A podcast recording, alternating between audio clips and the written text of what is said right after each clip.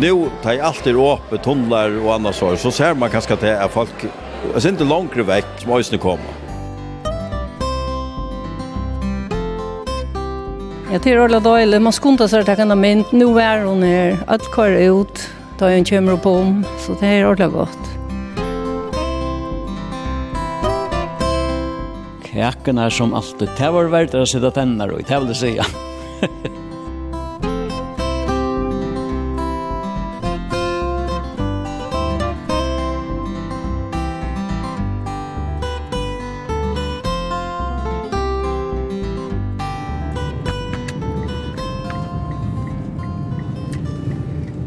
Gåan det, tradisjoner etla sivenjer binda folk saman, ikkje minst uh, ta det er ein bygd som uh, hever unna fasta og særliga sivenjo om så mot tøy og hver nare. Og det er just det som er evne av turen i det. Jeg var kort uh, norretter og er just kommet ut ur en tunnel og kommet og gjennom bygd som er Ikkje ser solena trutjar mannar om are og ha vetre. Tui er ta fagnavur ta solen atur vinner opp om og fjöllene og kan sutja av atla bygdina. Køyre nian til bygdehuset i Lorvuk. Her er solarkaffe i det. Tui solen ser atur av bygdina. Det er sånne der 12. februar Og her er merke ferdig i Hunarhott, vi bygde i huset. Nekve bilar og bøtten spil 8-4-7, så her ser ut til at vera nekve folk kom saman. Nå uh, solen hever vunni opp om høv og fjöllene og attor kan sutja av alla bygdina, så nu fer jeg inn i bygdehuset i Larvik til Solarkaffe. Kaffe.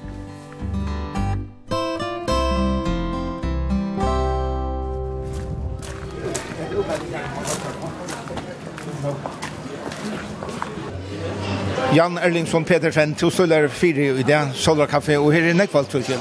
Ja, her er fullt det, og støller fire, kanskje nekka kan eksakt, det er konar fra Beka i Vikner og vi, kom at vi kak noen sida dra borre. Så vi gjør at det er faktisk karmaner, bygde oss i karmen om Solar Café, og her er en 2,5 skitt plass, og her er alt folk. Folk får seg kak, og bare lærkene synker. Så det er faktisk, det er det så ikke for de her som så larvikinger som bygger æres han, ja?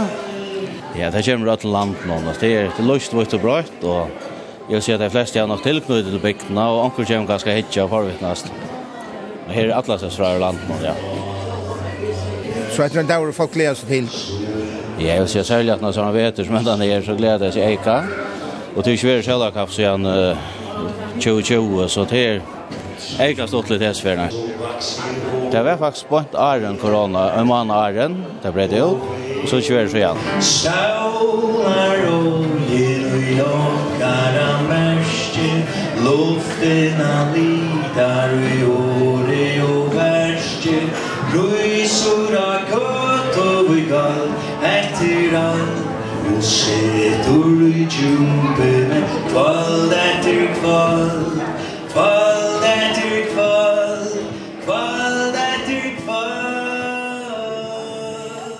Håkon Andreasen, du sitter her og selger du gansjen. Hva selger du? Selger och og, og sälja til et eldhuskrov. Har du bort lota?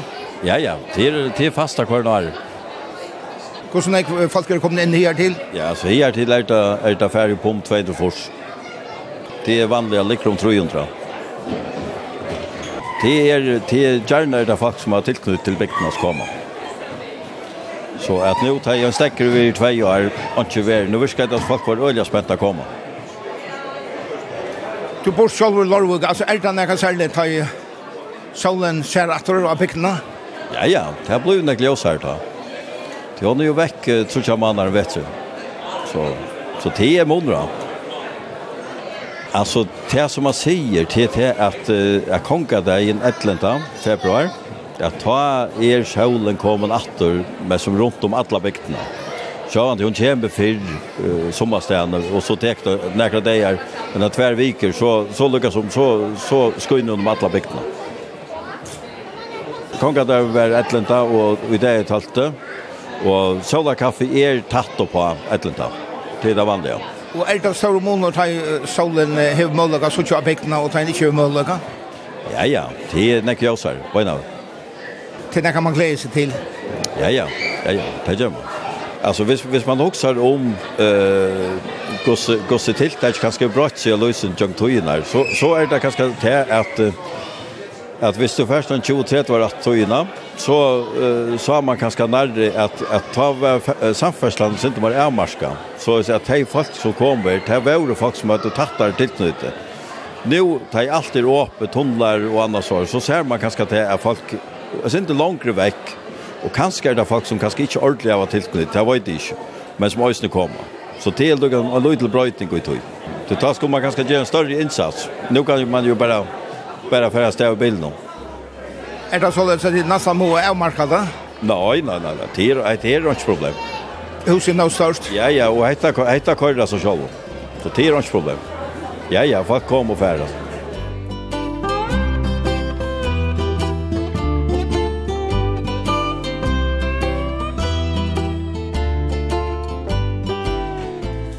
Ja, nu er det eh, i coachen og tja Katrine Kjartansdøtter og i Nutsja Gjeri i Lorvik og det sier firmer at Katrine er en av tømmen konen som er særlig raskere bæka og Katrine tog bæka nek til eh, solarkaffe Jeg vet ikke om jeg er den aller raskeste til å bæke til solarkaffe, det er alt ikke, men, men jeg pleier å være vi, og, og da er vi vel at eh, gjøre kaker og håne om og Og her er imiska kaker til sola kaffe. Og i år har vi så bare gjort øyne. Onketunar har vi gjort tver, helst tver imiskar. Men, men jo, til, til hun har løtt at, at diggas vi, vi tar og en dag som, som til sola kaffe. Du har gjort øyne kaker til sola kaffe at du gjør, og hun er ferdig nede i bygdehuset. Hva har du gjort i år? Og i år har vi gjort, gjort øyne, øyne blåbærja og stakakko. Så det, det var så dåligt lätt. Det tog en kraut at det var inte sköld løtt kräka hesfer, men, men annars jo, er øyne jeg gjør inte på jord at jeg velger i mist fra år til år at ikke gjør det samme. Jeg var inte omkring gjør det samme, og det er nok støylig, så vet man kvart hva man kan vante vänta sig. Och framförallt att bara röjna omkring nutjar, vi ska også av internett noen et eller, eller finns ju också gott omkring resan fra, så stottla röjna omkring nutjle. Og, og det samme, vi, vi variation om det er til en gammaldags lagkakko, eller om det skal være sint yngre folk som, som äta annor i misting, eller til bøtt, så er det er okkur mor badna vinna litt, så som muffins, eller, eller och så her som er mor stortlig og tøyma. Og er det såleis at det skifter, jeg synes, altså kvett folk vil ha, altså at det mest av øynene, og et år, eller er det som vi møter? Ja, det er ganske øyne møter, så onkertunar er er det fettelt det lattast at, at gjøre man og ångtunne er, er, er det mer ordentlige kacker vi vi biter i, så som er då. Jeg var ikke mer gammeldags. Det er ganske også møte i kakken det er det sikkert. Og en av periode var det i hvert fall øyne som gjør det. Alt mulig vi marengse, men um, nå har alltid det er øyne imest. Forskjellig slå av ostakakene og det moderne for tøyene, men det er bare det som fedler mer stått litt. Og er det sindra prestige å ha en flott kakken? Nei, det var ikke. Jeg, Jeg vil helt bare lete en kjærk til høve, så jeg sa at hun har lett og stått litt. Og, og jeg følte ikke som en prestige å gjøre en kjærk, men, men stått litt til henne å kunne njøte en kjærk. Nu har vi ikke gjort det så kjærker så gjerne jeg var, men jeg minnes i hvert fall at jeg snakket om før, begynte det på at det skulle være en kapping i middelen køkene som kom inn, og jeg halte til fall borster rettelig kjøtt, og det var faktisk ikke ordentlig interessert i tog at kanskje må bare for å heve øynene en honalian det vi går en kökon utan att det ska vara och strui och och och och en tanke att han fyrir at så så Sverige nu vara klara med just ner. Helt enn bara här var det honalig. Och det er rettelig fjellbrøyt, ja, kakabor. Ja, ja, ja, det är allt allt slä av bor någon bæg vi vi såg och Jon och vi vi öliga söton kakon och och mer almindliga kakon som som man känner från förra och och jo det är det är allt slä av av öllon gå. Så lär vi sjunga i Russia backa. Ja, det er alltid. Da er man vel å få en gåan dos og, og, og, og gåa og vid. Det er alltid at jeg att ikke lägger omgång om jeg sier at da er man vel å få en gåa kakrat. Det er alltid. Ja. Og det er mest kollar som bækker? Ja, det er alltid. Jeg har vi ikke sett eller hørt om at det er nærmere mer som er bækker, Men det är ganska väl nästa. Nå er det altså så moderne at Det kan kött være at mennene kommer på i østene. Det har vi stått litt. Annars pleier vi till lycka som oj, oj, de flesta bindklubben och i, i bygden alltså ta ett annars upp till till dagen här själva kaffe ska vara. Så så plejer man att ha som där ganska lite intressant kvart alla det där göra det är rojna Lucas med halta med klockor som som är plejer gera på till till bindklubb och till föringar där och annat. Och det är ofta inte samma som som man får är sen. Så det är nog stolt att är rojna instinkt så så det är inte lukas som skit Och så vidare dit kvart, hur annars gör? Ja, hvis man, hvis man har tiden er ikke rare noen katt og kunne huske der, så vet man sikkert hva, hva hin men, men annars, det er bare og noen har løtta, og, og man tar seg om det at gå så hyggelig til flere være, og så, så lett man en kake ut derfra.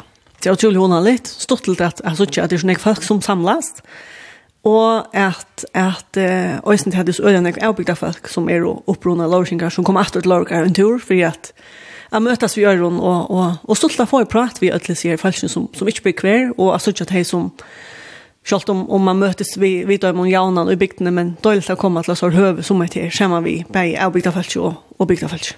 Det är en god dag, en öliga god dag. Det er det.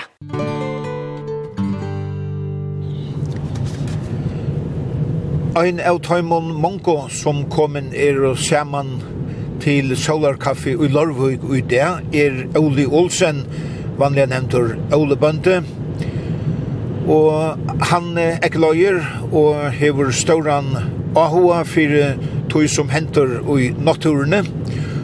Og øysene i det, solen vil hatvjerhelten, er det Ahoa verst at høyre Ola grøya fra. Og han er nå kommet ved mer at grøya fra Einar Seljer Henting en uh, firebriktig i Lorvik som hever vi naturna og årstøyene et gjerne. Vi standa vi smela kanskje an. Hon renner om man her bant uh, norran for uh, bygden i Lorvik, eller norraste bygden kan man säga. Og nu kom så et uh, kave el, men solen er også i tjøkken, så vi oppleva alle årstøyre i løtene, og Oli Olsen bønte. Her som vi standa, her er det godt dømme om uh, ta naturkreftene bergast.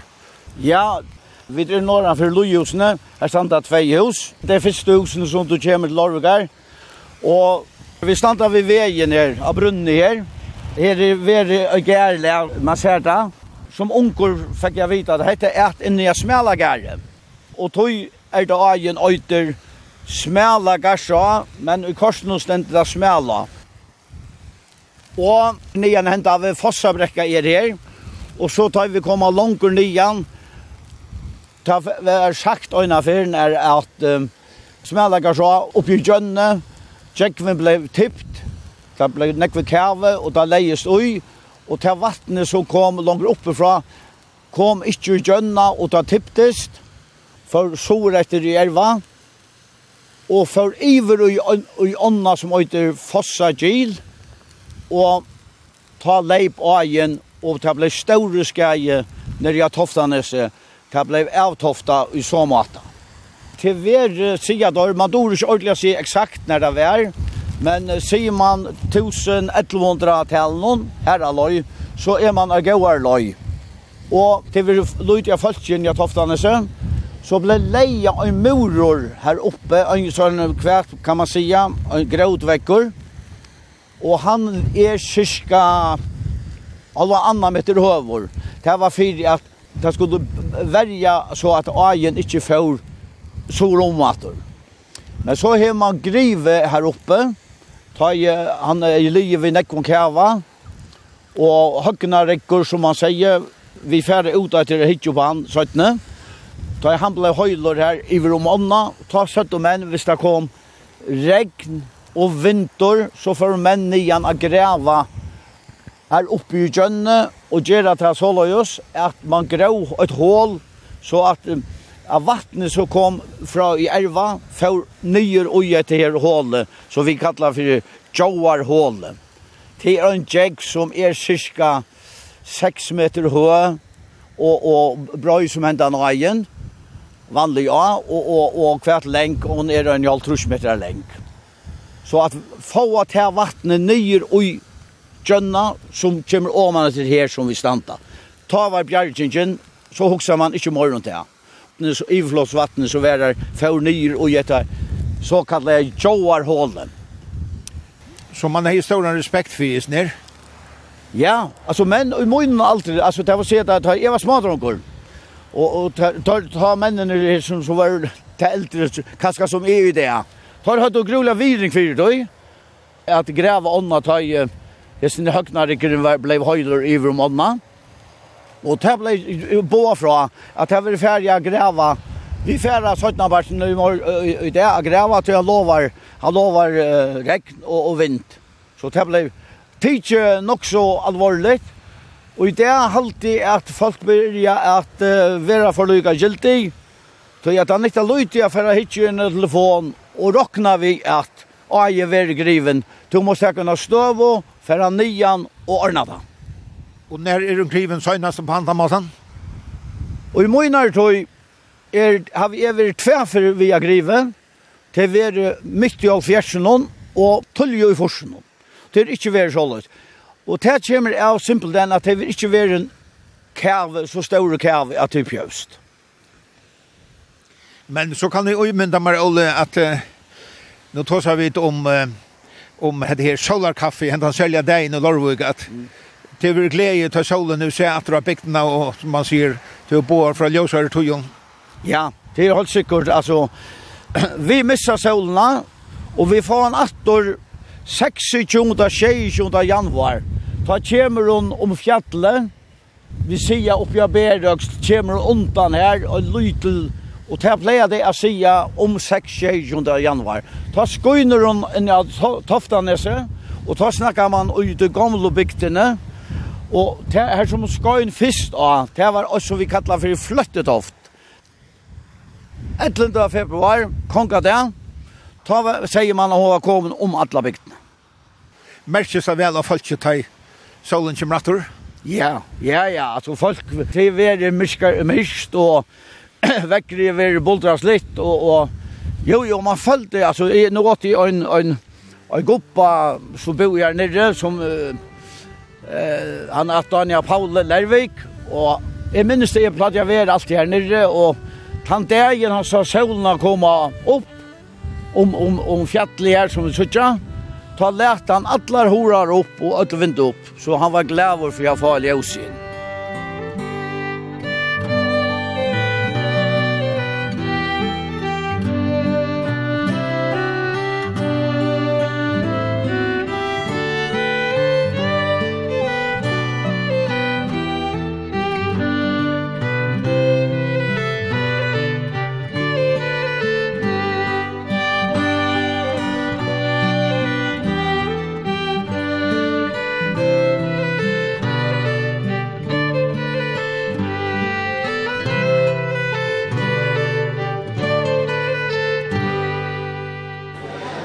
Sigbjørn Andersen, du er ur Larvik, men bort ur Klaksvik. Er du ofta til Solarkaffe? Ja, jeg er en kvarjafer. Kvarjafer til Solarkaffe, og en av fra vi dvunne i Mm -hmm. Og til kan særlig til å komme til Solarkaffe, tar man er Larvikinger? Tar man er Larvikinger, så ser man atler, atler som kommer fra Havn og Ærestanden. Ja. Så du sagt nekvar var som du ikke har på annars? Ja. Det er gjerrig, du tar møtas vidt. Du, du hitt nek, nekvar i det? Ja, det har vi. Bojtkos nekvar, men jag pratar med nekvar. Så nu får vi inte släppa och kom ondrat undrat fjören. Ja, tack för att prata. Ja, alla. Katrina Olsen, du bor till Klaxvud, men är uppvuxen i Lorvik. Är du ofta till Solarkaffe? Ja, kvarstår.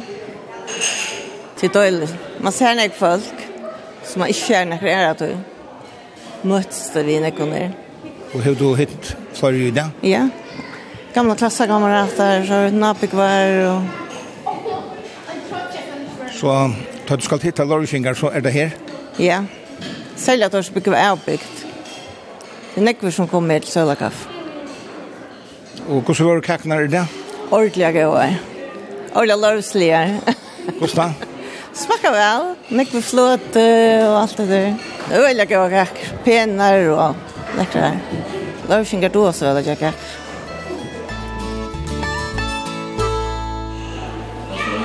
Daniel Andreasen, det var foreldrene satt her som kom og vi er sånn her solarkaften i Russland, det, i sin tog. Ja, ja, det var det faktisk. Det var faktisk mamma min. Hun, det var i Russland i Nekvar, det var i Russland i 1988, og kom hjemme til 76. Og her var det så løs, her feirer man at det er søvnen kom til bygdene. De bor i Syderøyre, Sogana fjørene, Vest Vesterland, Nysland. Ja, her var solen også vekk større parst av vetren. Kom atter, her var det en kvinnefela som hei og lykka som heter her, etter feira av at solen kom atter. Det var gjørst av kvar nåre. Og så da hun kom hjem atter, hun og Kristianna, den som lukka som var former for bygdhusen i den der arbeidet var i Bakkaboene. Så ble det to som vi skal måte samla penger vi, Og mamma kom så visst ner hoskotten om att her var sjølakaff. Og det ble så størst år etter halvtid i Kjøyalfjers. Da ble det så helt nere i tævene. Som var, eller, ta var det, var det frost flakkavirse. Her var det første sjølakaffen helt nere, og hengene som kom og tar var om. Så gjør det til bygdhuset. Og pappa kom så vi tog i hoskotten at eh, man skulle fære flott og, og avrøye fisken og så heier man opp på solakajen. Og det gjør man også i nekvar og tann feningen for øysen til bygtus. De bei tiltøkene til kom seg ur Russland, ja. Det var en parster av byrjan av bygtus noen, men de hadde nok samla inn nekt åren til øysen. Jeg hadde det samla inn, det hadde haft hareskjøtt og annet, det var til en svimmehin, så mange løy til nekka, og tar pengene blir så hadde jeg givner til bygtus i her i bygden. Og så gjerne har jeg selv akkurat vært her oppe. Og det er jo avmyndelig stått til den maten, at vi er første for jeg ikke at jeg får inn i køkken her og alt det der, Men det er så øyla nek avbygda folk som er slekta i Lorvøk, som brukar henda dagen til å komme til Lorvøk og holde på viner og kjenninger.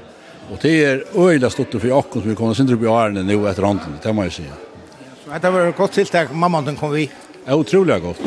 Øyla godt. Og øyne godt til at, at folk sitter ikke vel undervinnigt. Og de som har tids etter nå, øyne tøyma kipa fyrir, det er oanmyndelig godt, ja.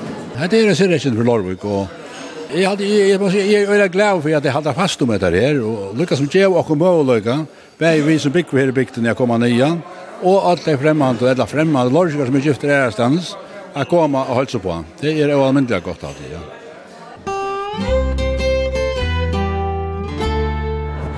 Jan Frøy Falpo, til Borste Larvik, og Ja, jeg bygger. Jeg hadde her, hesen där var en tøy solen atter og och alla og solarkaffe er og skånne. Er det noe du gleder til? Ja, det gleder gläder mig ordentligt till. Och jag vi glädje på något tøy solen av bygderna. Det er et annet ljøs i bygderna. Ja, hva som merkes molnen. Ja, jeg husker om att altså, i hemma Tjokken, så sitter vi et vid första sån i stående, og ta husker, ah. Nu er hun kommet, att ta med sig där. Ja. Og det er en god känsla så tror jag man när hon är veck alltså lunch så det henne? Ja. Eller jag vet man huxar om det att man är att han inte är men ta han kommer. Ta han mest det ja att att det är väl ju mest och att hon hon kan komma. Jag minns en en äldre kvinna i Larvik som är där som var ute och livet på. Hon är också känd. Hon han som över vid Vitla, Just Limmelund, vi har långt ner på Och hon var ju som Just Bindeböjtjena vid Bondaturklån som hon giv ut. Og han har virkelig kone. Jeg minns hun fortalte meg når jeg møtte henne at uh, ta ta kom det første stralen av Lorvik. Da sier hun er gloppa vinter for jeg bjøa solen velkomna til Lorvik. Det hadde en øye gøver og fitte tansk. Det er alltid. Det sier mer hvordan jeg. Er det alltid sånn jeg folk her? Her er det folk her, ja? Ja, jeg har alltid her. Vet du at øye var lov? Jeg har alltid bygd sendt øye sammen om meg til her. Bare til at vi at, at kaker var lagt ned inn og og at uh, folk standa vel om det, og som de som er og har tilknyttet til bygdene, som er kanskje ikke bygd for i Larvik, men oppvaksen er, de kommer trofast, og her er det som en tradisjon å komme. Og har du selv bakkene kakko i ja? Ja, bækene kakko, det gjør jeg først der. Hva er det? Det er en lavkakka, en, en vanlig lavkakka i sysk boting. Åh, oh, ja, det er... Kan kakka gonger vel. Det gjør jeg, helt sikkert. Det er kanskje en en sånn maffakakka, en sånn maffakakka vel. Tjuven er tøyrer og gods øynglar så gaur. Fylgja vi akkon av fegur og i bøn. Sovur i stov og vi stakon tja maur. Sia fra Ta pangukken er grøn Sau bärste luften av litar i året og bärste rysor av gott og i gav etter all og setor i djupene kvall etter kvall kvall etter kvall kvall etter kvall Ole bandet stendur i toft, ja. Jeg var da vi så og solna først og vær, da han kommer til bygdene, og kommer luk om fjallet her. Han sa rundt igjen, og her skal han først da. 26. og 26. da kommer han der om, om fjallet her, og ber øksel der oppe. Og da var det folk øtelig glede. Så var det hevet den gamle bygden som sagt. Hon kom tant dagen her, og øtla finnes jo synder i varstavene. Og, og som jeg sier, etlenta var kommet ut om alla til gamla bygden. Fløtt og toft, og til en parter av til gamla toftene i Lorvik. Som at det er fløttor som er avsett, seg, det er en, en, en bøver her og så her. Du sars vutsingar uh, ligger her. Jo, jo, vi var glede for sjålna. Det som vi kallar for toftanes, det strekte ut til kyrkjan, hørte vi til toftanes. Annars, i Lorvik er det var trutje bøylingar, det var inni av toftanes, og ut om A som vi søtte, og oppbygger. Det er sånn at det er nok så lengt fra sjøarmannen, men det tar jeg seg ankra mulig her også. Og nå halte vi for å snakke om ta i algen leip her nere, vi sier oss her. Jeg er akkurat født da, 6,5 aldrus. Tar skjøtt til at det mener at det ble nekve kave, og da leies ui, og til vattnet som kom langt oppe fra, det var en suttler av krepe og sånt. Så leip det av man. Og jeg leip så her. Og hon stekka i vid brunna her. Her er en, en, lydelig brygg som du sars der. Og her blei en øtlig svottlor. Der stekka jeg alt opp her. Og at, som vi ser nere av myrene, til dette kvite huset som er der, her fyltes kjallaren. Og, og, og det skjedde kjøkt. Og her stod en kikkvinne. Og kikkvinne, hon var sjående knottapperen og, og, og husarhalten. Og hva fyrir gjøre? det var ofta gjerra, det var brot og en av fjöl, eller bare tvær i stovene, så at høtte kunne komme opp og at hun kunne anta. Man gjør alt for å få kunne livet. Og det, hun klarer det, og, og med følelsene måtte ut. Så det var nekksås. Og så så han det være få det vekk. Alt var stekk under disse lytle brunne. Det er maveren som bor inne her, han er Thomas Kjekko. Jeg ble endesetter av han. Så han begynte å greve så løs her. Og han fikk det så mye. Og nå leip. Og han ble senter av man enda av det. Men du vet jo at man er enda av noen. Og så det alltid var ivesteg, så drog man han. Han, han fikk unga skedla nek. Han er veldig Jarvor, at just det. Og så er det for jeg takker seg man om. Nå er det så løs at det var toftansmenn som bygg vi her av løy. Og så var det Onkel var gifter langt ut i bygdene, tar var vi til å grava. Ta er vi ta vi er jo en, en 15. Men nå er det just holdes av vi er nær ein en sonen den her Thomas Jakko som kommer ur så kvitt husen hon. Han øyde Jekvan Pottel Danielsen. Vi bare har prata nek om at vi må få en ordning om om å greve ånden her oppe. Tog at folk, jeg vet ikke om det er ordentlig vi på det, det trykker kanskje ikke ordentlig vel på det, men naturkrefter er jo ikke å spille vi, til at gammelt vær her som han skriver låpen, kunne ta nästa komma.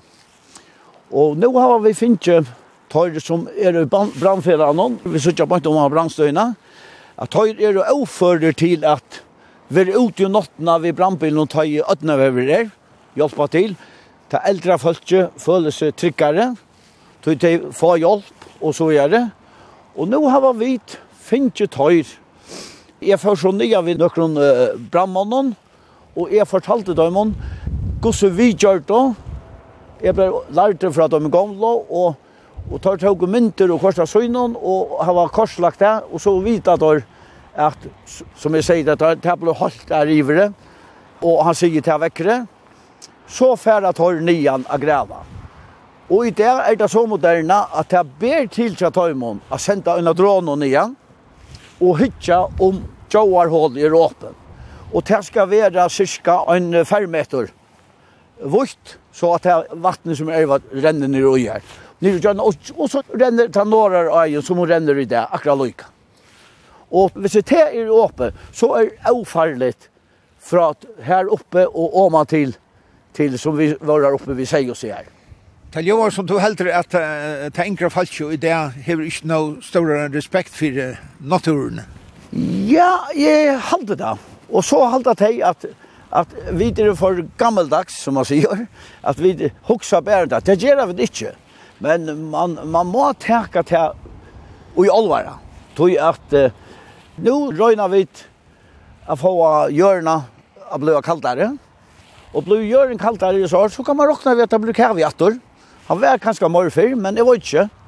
Som sagt, jeg har bare vært tverfyrt vidt til å grive, og til ikke vil grive så gjerne, jeg ville sagt tvei fors, tre fors. Ja, ja, og nå er solen som kommer natter, men til fag i det er så gjerne at tid hatt å er vanlige herrøden. Ja, Uh, det var, uh, nå er ikke datum, men det var mye nottene. Det begynte jeg om 20-tøyene, halvgård 20-tøyene. Og det var alle nottene. Og, og Jeg vil si at jeg, jeg bor her i 42 år, at, at det var, det var av de aller ringaste. Loika ringt, som altså øtner som var i Jævlaøtnen og, og, og, og fyrst i Alfhemsen, og det var jo rævlig her. Men alt som jeg ble mest jo i Hesavir, det var det at det var nekst yttre mittelen kvirlene. Vi først høyre man kvirlene koma, og da begynner å breka, og så hører man i, i luftene, og så spenner roi og så her, og så kommer kvelden. Men her så var det nekt ut her. Men det er bare det at mamma lever vi, og ok, at her var en ød, det er så og det Jailet, men jeg halte vi bygva øtlige vel, det er verre, hvis det er vel som Torskaland i Syria. Jeg er sjalt han.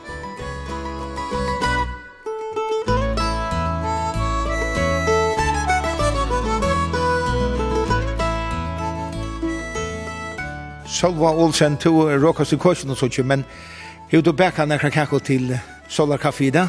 Ja, jag bäckar en glutenfri, nei, laktosefri og gjør det ostakakko, og så bækker jeg en noen muffins til bøttene. Så de skulle få okk som de domt. Og de må smaka vel, det gjør man ikke etter. Det er pur opp til hva en stakkan hva man gjør, det er ikke en kapping som det er fyrir nekvann arrangerende, og man kommer til hvis man er over hodet til å komme vidt. Vi ringer til omkrar som vi kjenner og sier, kun de ikke kjører ut av tykkere bølg som de har, fire tykkere bindeklubber. Og så er Lorvikinger av Facebook øyn, og så bygde til oss over øyne øyne så gjør Facebook. Så kommer han vi som tar ligger fire, det er ikke alltid det ligger fire. Ja, ja, her må det være gosset fra en fjør til sløt, her åkner vi. Alt med lemmer gjør? Ja, ja, bare sunt og er sunt. Vi da var finne fruktfødt, og vi da var finne alt mulig godt. Vinabrei og smørkaker og ja, ja, alt som man damer. Du sier at det ikke kapping som det var før. Var det kapping før? Altså, for nekk og nekk og nær så igjen, da gjør du det der som man har kapping, at han som er vekkert av kak, og så kunne det stemme på. Ja? Det har vært øker år til nekk år så igjen. Så det er ikke vært nekk var. Heter den bättre maten? Ja, i halta så onkel helt nej, jag tror inte jag bäckade det då så väl och så så blev det bara till när jag skvatt och inte kapping att komma ut och allt är gott att få. Det här var några kakor. Här var det om en 300 få. Gå här var kakor till gods för 400. Och det ser ut, alltså så nu, nu tilltäcks jag, men det ser ut att vara väl äterkorsna, alltså så om, om det är Ja, ja, det är väl äter. Jeg hadde er lovsjengar stiltingene for at de var kjekko. Halvdige. Det er bare hun allet. Det er imeskap vi det heva. Vi hadde det bedre. Ikke av for nekva skra. Tog folk vil jeg slippa prata. Og nekv kanska, som byggva kanska i haun eller høyvig, eller omkring erstes. De kommer at lorgar etter døra ganske ikke for eldre noen. Så kommer de nian her og får seg kaffe. Det er nok så hyggelig tradisjon. Så du hittar nekv folk som du annars ikke hittar? Ja, jeg får nok stå i snøk, jeg ser hva skal opp, og runde vi kanon, og... Men jeg gjør jo det sørst, og det kommer flere og flere jævlig av folk. Det, det er jo lust av portalen, og... Og folk er forhånda vidt hva det er, jeg halde det bare her. Så tiltak er jo tøytning for bygdene? Ja, nå har det spørst, vi er sjålar kaffe i år, nå ble det ikke fjør, og heldur ikke fyrre år, vi klarer akkurat av en korona, det kom jo i mars, og vi tar det jo i februar, og Og fjør, ta atla vid, men ta blossa i akkurat som oppa, og folk var sin der åsikker, så vidt. Helt og det var bedre å bo i alle år. Og i halde det jeg var bo i etter, og jeg hitt hos oss hvordan folk var i. Vet du, nekka Lorusjen er og glede for, og kanskje stolt av oss, ne? Jeg halde det.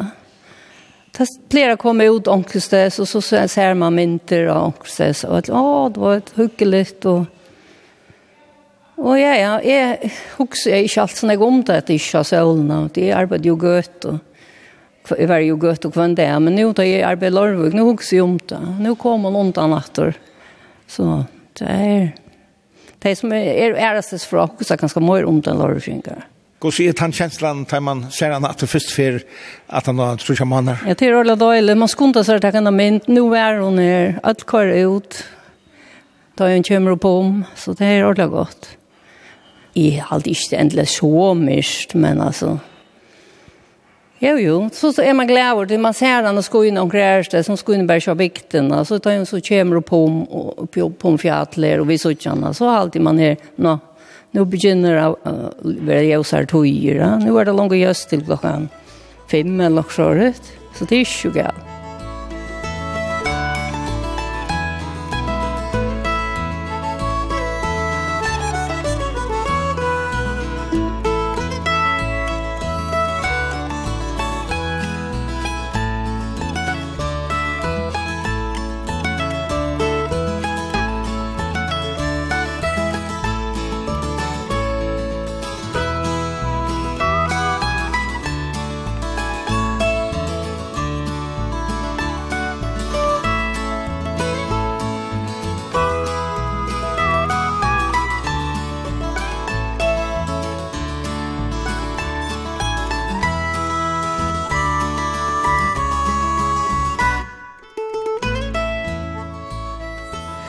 Sonja Johansen, du har så fina tvär hickver här och ja. nu rycker det där vart men tid har haft framsynning här där. Vi har haft framsynning, vi har haft ja, lust lovsarhus fram. Och det är ordentligt gott att bygga huset viser okkom og AHA og tog. Lausarhus, det er et, et hus vi heima virka von tinkon under i bygdene? Ja, det er faktisk bare folk ur Ester kommune som uh, her var det her og selja, og så arbeider jeg også i, jeg får ikke øyne om annen. Annars er det, ja, det er veldig en tutsi år nå, det ganger ordentlig godt, nek, før folk kommer inn, og ja. Og det er ordentlig AHV-verst, det er alle aldersbrøkker. Det er fra, jeg vet ikke si, 30 år opp til 45 så er det kommet folk som er her. Så det er, ja, alt mitt liv. Og, og har du selv nekver i det? Ja. Ja, det har vært nere i Lavsarhuset. Vi har ikke sett her på en, men det er vært her nere i Achtana. Og her er vært nok folk, ja. Nei, vi får ikke selge her på en, tror jeg at det kan også være også man kan hitte etter, helt kjær. Man løser, og man har en reklam og et eller annet. Ja, han som kjenner det, som ikke har vært her, så så ikke det hva det er. Her... Så dette blir godt høy å vise hva det var? Ja, ja, ja. Og her er bare bonte, håndtrea, altså trea, og så er det smykker, støyner, ja, her er alt, håser. Alt er håndvirka, ikke er maskin. Det er reg, altså det er nekka som vi setter, vi tar regler, et eller annet. Eller kunsjer som vi tar, så setter vi at det skal være håndvirka. Og det her sier utlendingar også som kom inn her. Det vil ikke ha nekka som er maskin. Det vil ha også som er just ur hånden. Ja, helst først, och først ja. Så tid vil du ikke selge her i det? Nei, vi vil ikke selge her i det. Det er også nok så stort litt at folk også kunne komme hit etter utan att skulle alltid kjøpe. Det er godt høy også når jeg kommer til en hundra utan man også kan bare hit etter. Hva folk här var gjørst og så kunne kunde för om man er efter vi tar lyst og vi tar denne løsning her når det er uppe. Achtarna så där kaffe. Ja, så det er är ordentligt hundra ja för några till reklam for Jockon også, Snö. Jag ser hva kaffe er, at vi la oss her og släppa være vi. Vi takker for det at vi alltid släpper være vi.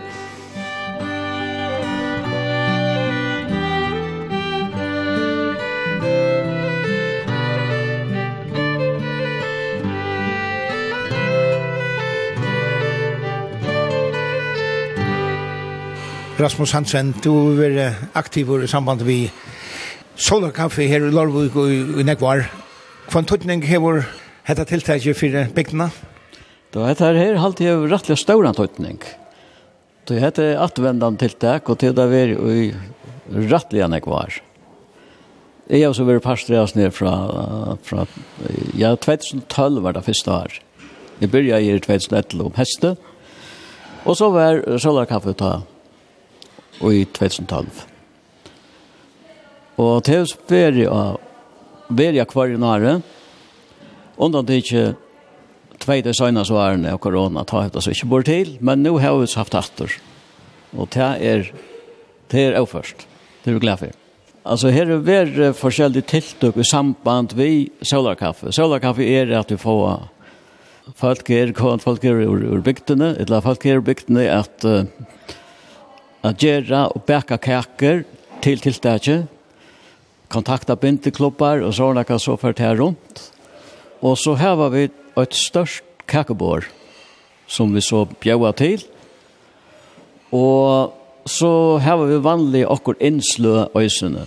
Det kan være en sangframførsla og det var målninga framsøyning og det har vært framsøyning av bunten og pløkken.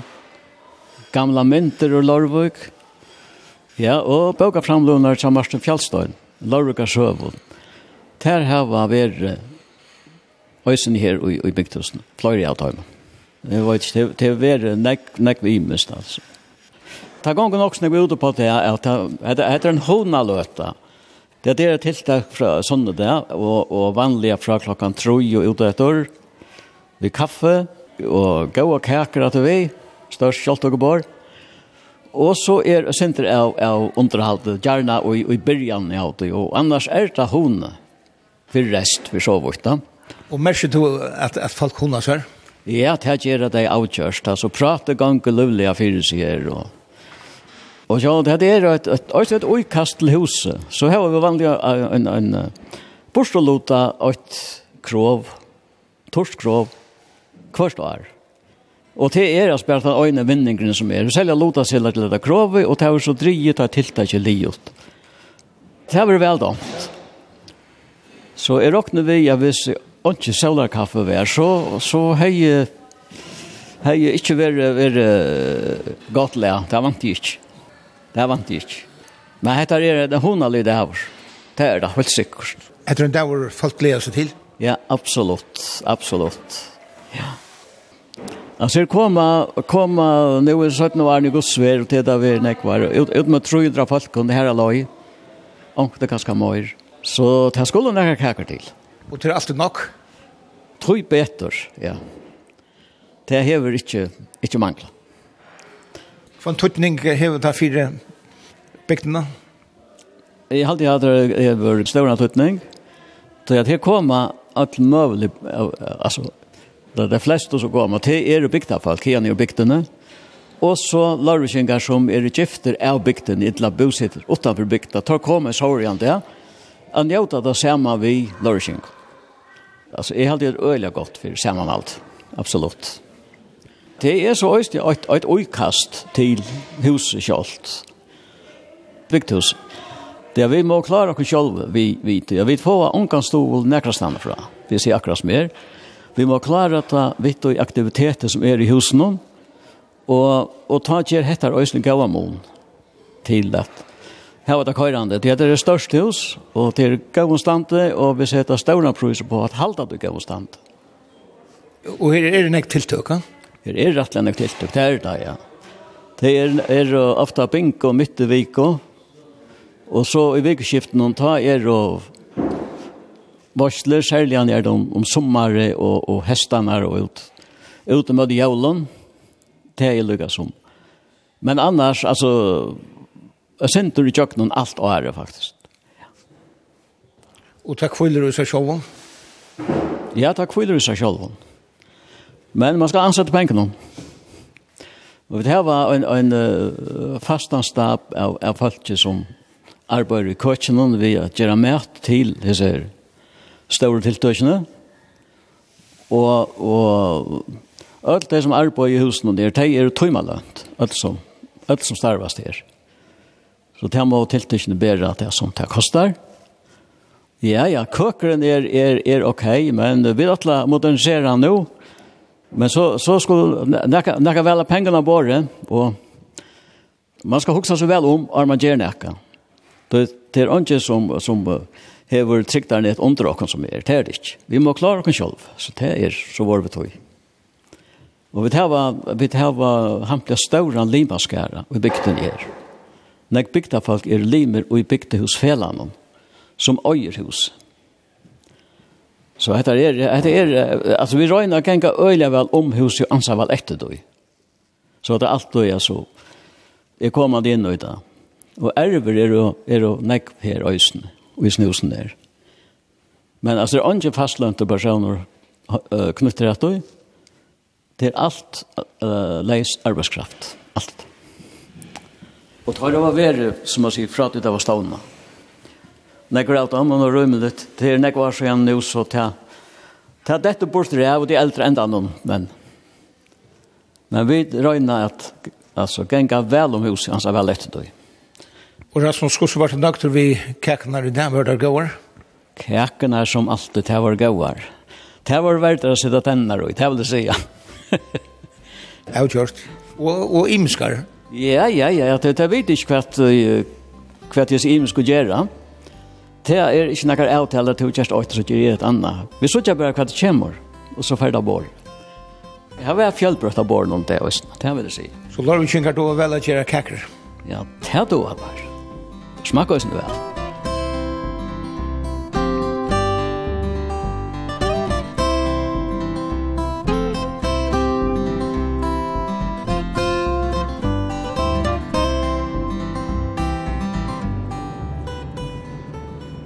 Hetta vær så vi tåre og tåre til Solar Café i Lorvik. Staurur dævur i Lorvik, ta solen atur vinner opp om fjøtlene. Hesen turen er atre at høyra i utvartnån torsdag klokkan 11 og leierdag klokkan 4. Og tog hans til øysene lusta og heimasøyene til kringvartnån skriva kvf.fo framskak tt. Turen er som løyes som potvarp. Vi tåre og tåre hever sujo av Facebook, Du er velkommen at da med henne, så sart du til som kommer inn her. Her kommer Øysene mynter fra Heson Torunon. Takk for i Hesafer. Vi høyrast atter om øyne vikong.